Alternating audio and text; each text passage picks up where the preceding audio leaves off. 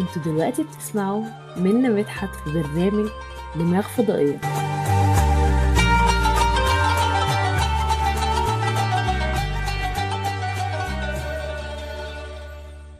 أهلا بيكم في المكوك الفضائي بتاعي.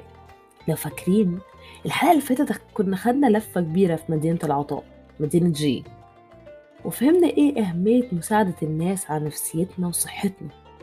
وطلبت منكم تكتبوا كل يوم حاجة واحدة بتحبوها في نفسكم لمدة أسبوع. بما إن الأسبوع خلص فها احكولي يلا. فاكرين نفسيتكم وعلاقتكم بنفسكم من الأسبوع الأول كانت عاملة إزاي؟ ودلوقتي بقت عاملة إزاي؟ أتمنى يكون في فرق حتى لو بسيط.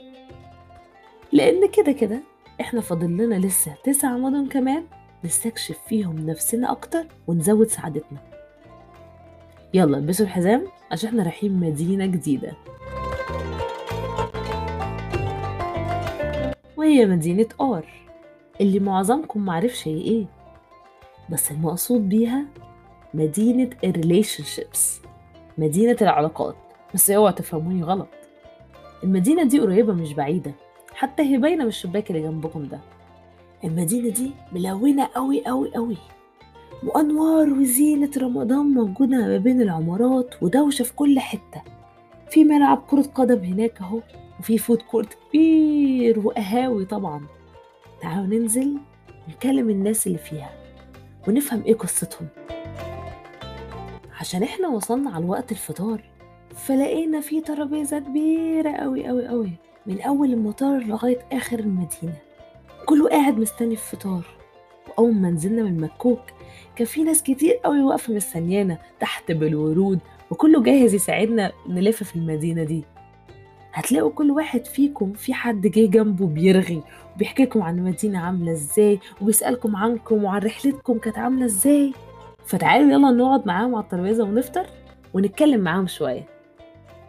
عشان تتخيلوا الترابيزة صح في طبق فاضي كبير لونه أزرق قدام كل كرسي وفي النص صواني أكل كتيرة. مالية الترابيزة. وطبعا سلطات عشان هما فضائيين بيهتموا بصحتهم شوية. وبدأ بقى أول فضائي يتكلم. ويقول إن المدينة دي كلها مبنية على العلاقات ما بين الناس. صحاب وعائلات وجيران وكله. مجرد ما بيتعاملوا مع بعض حتى لو بيتكلموا عن أي حاجة ده بيزود سعادتهم وبيزود إنتاجيتهم. وساعتها قال لنا رغبتنا في إننا عايزين نحب ونتحب طبيعي جدا. وهو ده اللي بيحركنا مجرد ما بنتعامل مع الناس ده بيعمل شقلباظات في دماغنا. مش بس الأوكسيتوسين اللي اتكلمنا عنه على الإنستجرام اللي بيفرزوا المخ لا ده حاجات تانية كتير. كله بيشتغل على إنه بيزود كفاءة مخنا وبيقلل توترنا. إحنا أصلا بنتعلم من كلامنا مع بعض. فقعدنا نفكر إحنا مع بعض كده. هو فعلا علاقتنا بالناس بتأثر في نسبة سعادتنا قوي كده؟ بس الإجابة آه طبعا. هقول لكم إزاي دلوقتي حالا. فكرتوا إيه هي أكتر حاجة فعلا مضايقانا من الحظ اللي إحنا فيه ده؟ إيه اللي مضايقنا إننا مش عارفين ننزل في رمضان ونروح الجامعة؟ اللي مضايقنا حقيقي هو إننا مش عارفين نقابل بعض. ده حتى اسم جامع ذات نفسه جاي من إنه بيجمع الناس. هو ده فعلا اللي مضايقنا. كل حاجة تانية بتقدر تتعوض. بس مش عارفين نقعد نرغي مع بعض أو نتمشى في الجامعة ونرغي في حاجات ملهاش أي لازمة. سهرتنا مع بعض في الشوارع والولاد في القهاوي طول الليل ونقابل جيراننا في الجوامع اللي إحنا منعرفش اسمهم حتى بس كل اللي نعرفه إنهم ساكنين معانا في نفس الشارع. هو ده فعلا مضايقنا. كنت لسه شايفة فيديو من كام يوم لولد اسمه كايل مارتن الأول على جامعته بيتكلم في حفلة تخرجه بدأ كلامه بإنه أول ما عرف إنه عنده الفرصة إنه يطلع من الأوائل ويتكلم في الحفلة قعد يشتغل لمدة سنة جامد جدا وضحى علشانها كتير. وعرف يوصل لها. وأول ما سمع إنه كسب اللقب فعلا حس بفرحة كبيرة أوي أوي أوي أوي لمدة 15 ثانية. 15 ثانية قلبه قعد يدق فيهم جامد. 15 ثانية حماس قوي 15 ثانية إحساس بالانتصار. بس في الثانية الستاشر قعد مكانه وبص على الميدالية بتاعته وفكر إيه ده؟ بس كده فرحته دي اختفت اتصدم ده أنا بقالي سنة شغال على ده. إزاي كل اللي كنت بشتغل عشان أوصل له ونجحت فعلا فيه اتبسطت منه ب 15 ثانية بس. وساعتها اكتشف إنها حاجة حلوة جدا إن البني آدم يشتغل كويس وجامد عشان يوصل لحاجة نفسه فيها بس ما ينفعش تكون على حساب علاقته بالناس اللي حواليه. مهما كانت الحاجة اللي بيشتغل جامد عشانها من أول دراستك أو رياضتك أو ال social media لازم علاقتك بالناس اللي حواليك تكون من أولوياتك. ونهى كلامه بأن علاقتنا بالناس هي اللي بتخلينا نأثر في حياة غيرنا وبتخلي لحياتنا معنى. وإن مفيش حاجة اسمها العلاقة دي باظت خلاص أنا اتأخرت إني أصلحها لأ. كلم صاحبك اللي بعدت عنه زمان بسبب تفاخرك. أو أهلك اللي بتحاول تبعد نفسك عنهم أكتر وأكتر ومدرسينك اللي عمرك ما شكرتهم حتى.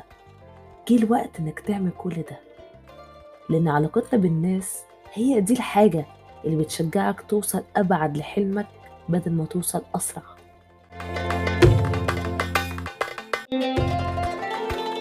هتلاقوا الفيديو بتاع ال link في ال comments تحت عشان تشوفوه عشان فعلا الفيديو ده مهم جدا. فجأة وإحنا قاعدين كده على الترابيزة مستنيين الأذان جدا. واحد من المسافرين معانا في الرحلة قال بصوت واطي قوي كأنه بيوشوش نفسه. افرضي إحنا أول ما بنيجي نحاول نوطد علاقتنا بحد أو نكلمه بنلاقي حاجة كده توقفنا. وده فعلا بيحصل. كم مرة كنتوا حاضرين ايفنت مثلا وعايزين تسألوا حد سؤال ما؟ أو كم مرة كان نفسكم تكلموا حد جديد أو حد قديم بقالكم كتير ما كلمتهوش؟ بس بنخاف. بنخاف يحرجونا. كلنا كده. كلنا بنخاف نتجرح. بنخاف يبقى شكلنا وحش. بس تخيلوا ممكن المعلومة اللي كنتوا تعرفوها دي توفر عليكم لف كتير مثلا؟ أو كلامكم معاهم يأثر في يومهم يخليهم أحسن؟ عشان كده جبت لكم 5 tips خمسة tips تساعدكم في إنكم تتكلموا مع حد. لو أنتم مكسوفين أو محرجين. أول حاجة اتنفس. بالراحة كده خد نفس عميق عشان تقلل توترك شوية. تاني حاجة بدل ما تقعدوا تتخيلوا الشخص ده هو بيحرجكم أو بيرخم عليكم فكروا فيه وهو مبسوط إنك كلمته وبيتعرف عليكم أكتر. فكروا في السيناريو الحلو بدل ما بتفكروا في السيناريو الوحش. تخيلوا نفسكم بتتكلموا بثقة وهتلاقوا إن ده اللي بيحصل فعلا لأن في نظرية اسمها قانون الجذب Law of Attraction. إن الحاجات اللي بتحصل في حياتك دلوقتي بتحصل بسبب أفكارك زمان. ودي نظرية لم تثبت بعد بس كانت موجودة من أيام الفراعنة واليونانيين كمان. فأفكارنا الإيجابية ممكن تأثر فينا وفي الحاجات اللي بتحصل دلوقتي. ولو عايزين تقروا عنها أكتر هتلاقوها في كتاب اسمه The Secret أو السر. تالت حاجة خد واحد صاحبك معاك. لما بيكون معانا صحابنا إحنا بنتكلم مع حد ده بيشجعنا اننا نتخطى خوفنا. رابعا فكر في السبب اللي مخليك عايز تكلمه وسبب مخوفك لأن ساعات خوفنا بيكبر الموقف اللي إحنا هنواجهه عشان يخوفنا أكتر. والموضوع ممكن يكون أبسط من كده بكتير. خامسا وأخيرا كلمه.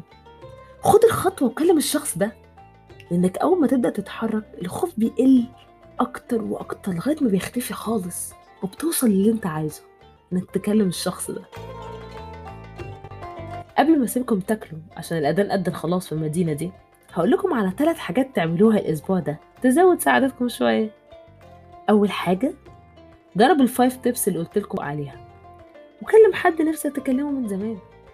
تاني حاجة وطد علاقتك تاني مع الناس اللي بعدت عنهم وحاول تخلي ده أولوياتك. كلمهم سلم عليهم. يمكن يكونوا مستنيينك أو خايفين يكلموك لحسن تحرجهم. وأخيرا حاول تعمل أكتر من video call واحدة في خلال الأسبوع ده مع ناس مختلفة من صحابك وعيلتك. هتحس بفرق واضح في سعادتك. دي كده كانت آخر رحلتنا في مدينة R هناكل ونروح على المدينة الجديدة. مدينة A. تفتكروا A بقى بترمز لإيه؟ ابعتولي وقولولي رأيكم. أشوفكم في الحلقة الجاية إن شاء الله وتصبحون على غد أكثر سعادة. باي باي ورمضان كريم.